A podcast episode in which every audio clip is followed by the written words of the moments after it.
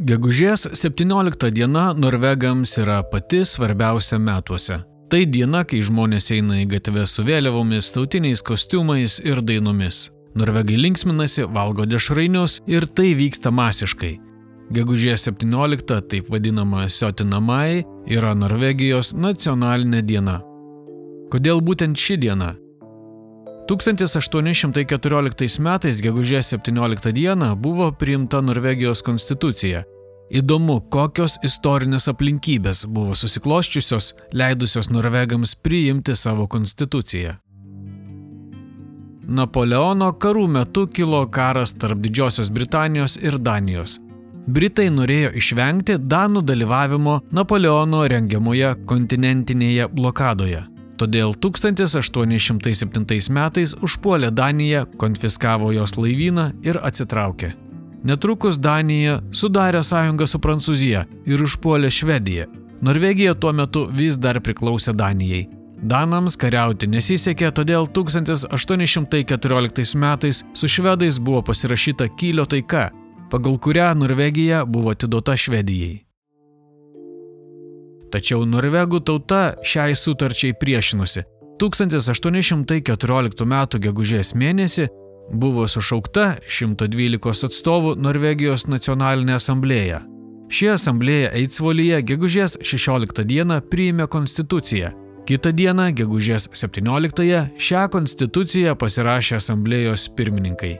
Danijos princas Kristijonas Frederikas buvo išrinktas nepriklausomos Norvegijos karaliumi. Švedai tuo nebuvo patenkinti. Po trumpo karo švedai pripažino Norvegijos gegužės 17 dienos konstituciją, tačiau Norvegijos karaliumi tapo Švedijos karalius Karlas Johanas. Tai ir buvo unijos su Švedija, kuri tęsiasi iki 1905 metų pradžia. Šioje unijoje abi šalis buvo valdomos vieno karaliaus, buvo vykdoma bendra užsienio politika tačiau Norvegija išlaikė savarankiškumą. Pirmaisiais metais po konstitucijos prieimimo gegužės 17 buvo švenčiama tik keliose Norvegijos vietose. Pasakojama apie privačias šventes, taip pat koncertus Trondheime, kur pirklys Matijas Konradas Petersonas entuziastingai pasisakė už tai, kad konstitucijos diena turėtų būti švenčiama kaip nacionalinė šventė. 1821 metais konstitucijai kilo grėsmė, kai Švedijos karalius Karlas Johanas pasiūlė konstitucijos pakeitimus. Jis norėjo absoliutaus veto, teisės atleisti Norvegijos parlamentą, teisės nušalinti pareigūnus ir nustatyti Norvegijos parlamento turtingo darbo tvarkę.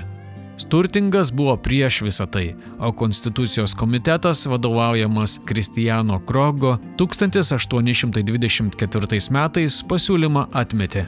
Po to Krogas buvo laikomas Konstitucijos gelbėtoju.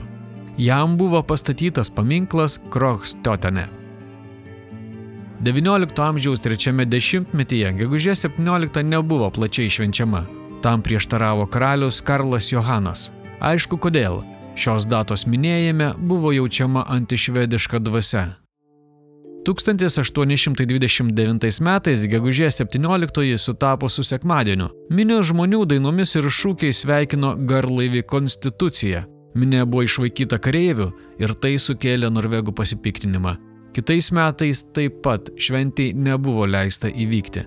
Nemažai konstitucijos dieną švesti nusiteikusių žmonių buvo suimta. 1836 metais turtingas šventė gegužės 17-ąją. Nuo tada galima sakyti, kad gegužės 17 buvo paskelbta nacionalinė diena. Karlas Johanas daugiau niekada nesikišo, tačiau tik po jo mirties 1844 metais eisenos ir viešos kalbos tapo įprastos. Šiais laikais gegužės 17 dienos šventimas yra neatsiejamas nuo eisenų ir ypač nuo mokinių eisenų, vadinamų Barnetoget. Moksleivių eisena 1970 metais buvo suorganizuota rašytojo Bjornstjarne Bjornson iniciatyva. Šioje eisenoje dalyvavo apie 120 berniukų iš Kvam mokyklos Kristijanijoje. Šis reiškinys pamažu plėtėsi, eisenas pradėjo renkti ir kitos mokyklos. Iš pradžių dalyvavo tik berniukai, bet po 19 metų nuo 1889 metų eisenose buvo leista dalyvauti ir mergaitėms. 1905 metais Norvegija tapo visiškai nepriklausoma, išsirinko naują karalių ir nuo 1906 metų iki šių laikų karališkoji šeima sveikina suaugusius žmonės ir vaikų eisenas iš Oslo pilies balkono. Šie sveikinimai vyko kiekvienais metais, išskyrus nacijų okupacijos laikotarpį ir koronaviruso pandemijos metus. Labai daug reiškia šioje šventėje ir nacionaliniai kostiumai, vadinamieji Bunad.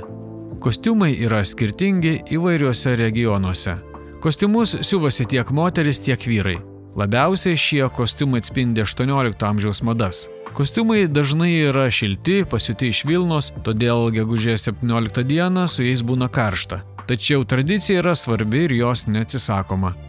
Nacionalinio kostiumo pasiuvimas yra įvykis Norvego gyvenime. Tai nėra paprasti drabužiai. Tikri nacionaliniai kostiumai kainuoja nuo 2000 iki 10 tūkstančių eurų. Vaikams tai taip pat didelė šventė. Šio šventės metu negalvojama apie sveiką mytybą. Ledai, dešrainiai, cukrinė vata, be šių skanėstų neįsivaizduojamas gegužės 17-osios šventimas. Saugę prieš šventę susitinka šventiniams pusryčiams su mimoza gėrimu ir piragu. Vėliau šventė persikelia į miesto centrą. Ši diena Norvegijoje, kaip jau minėjau, yra svarbiausia šventė metuose. Ja Veliskerdėtelana. Taip, mes mylime šią šalį. Tai yra Norvegijos himno pavadinimas ir ši patriotinė daina skamba tikrai kiekvieno norvego lūpose. Dainuodami ir išvesdami kartu norvegai yra vieningi ir stiprus.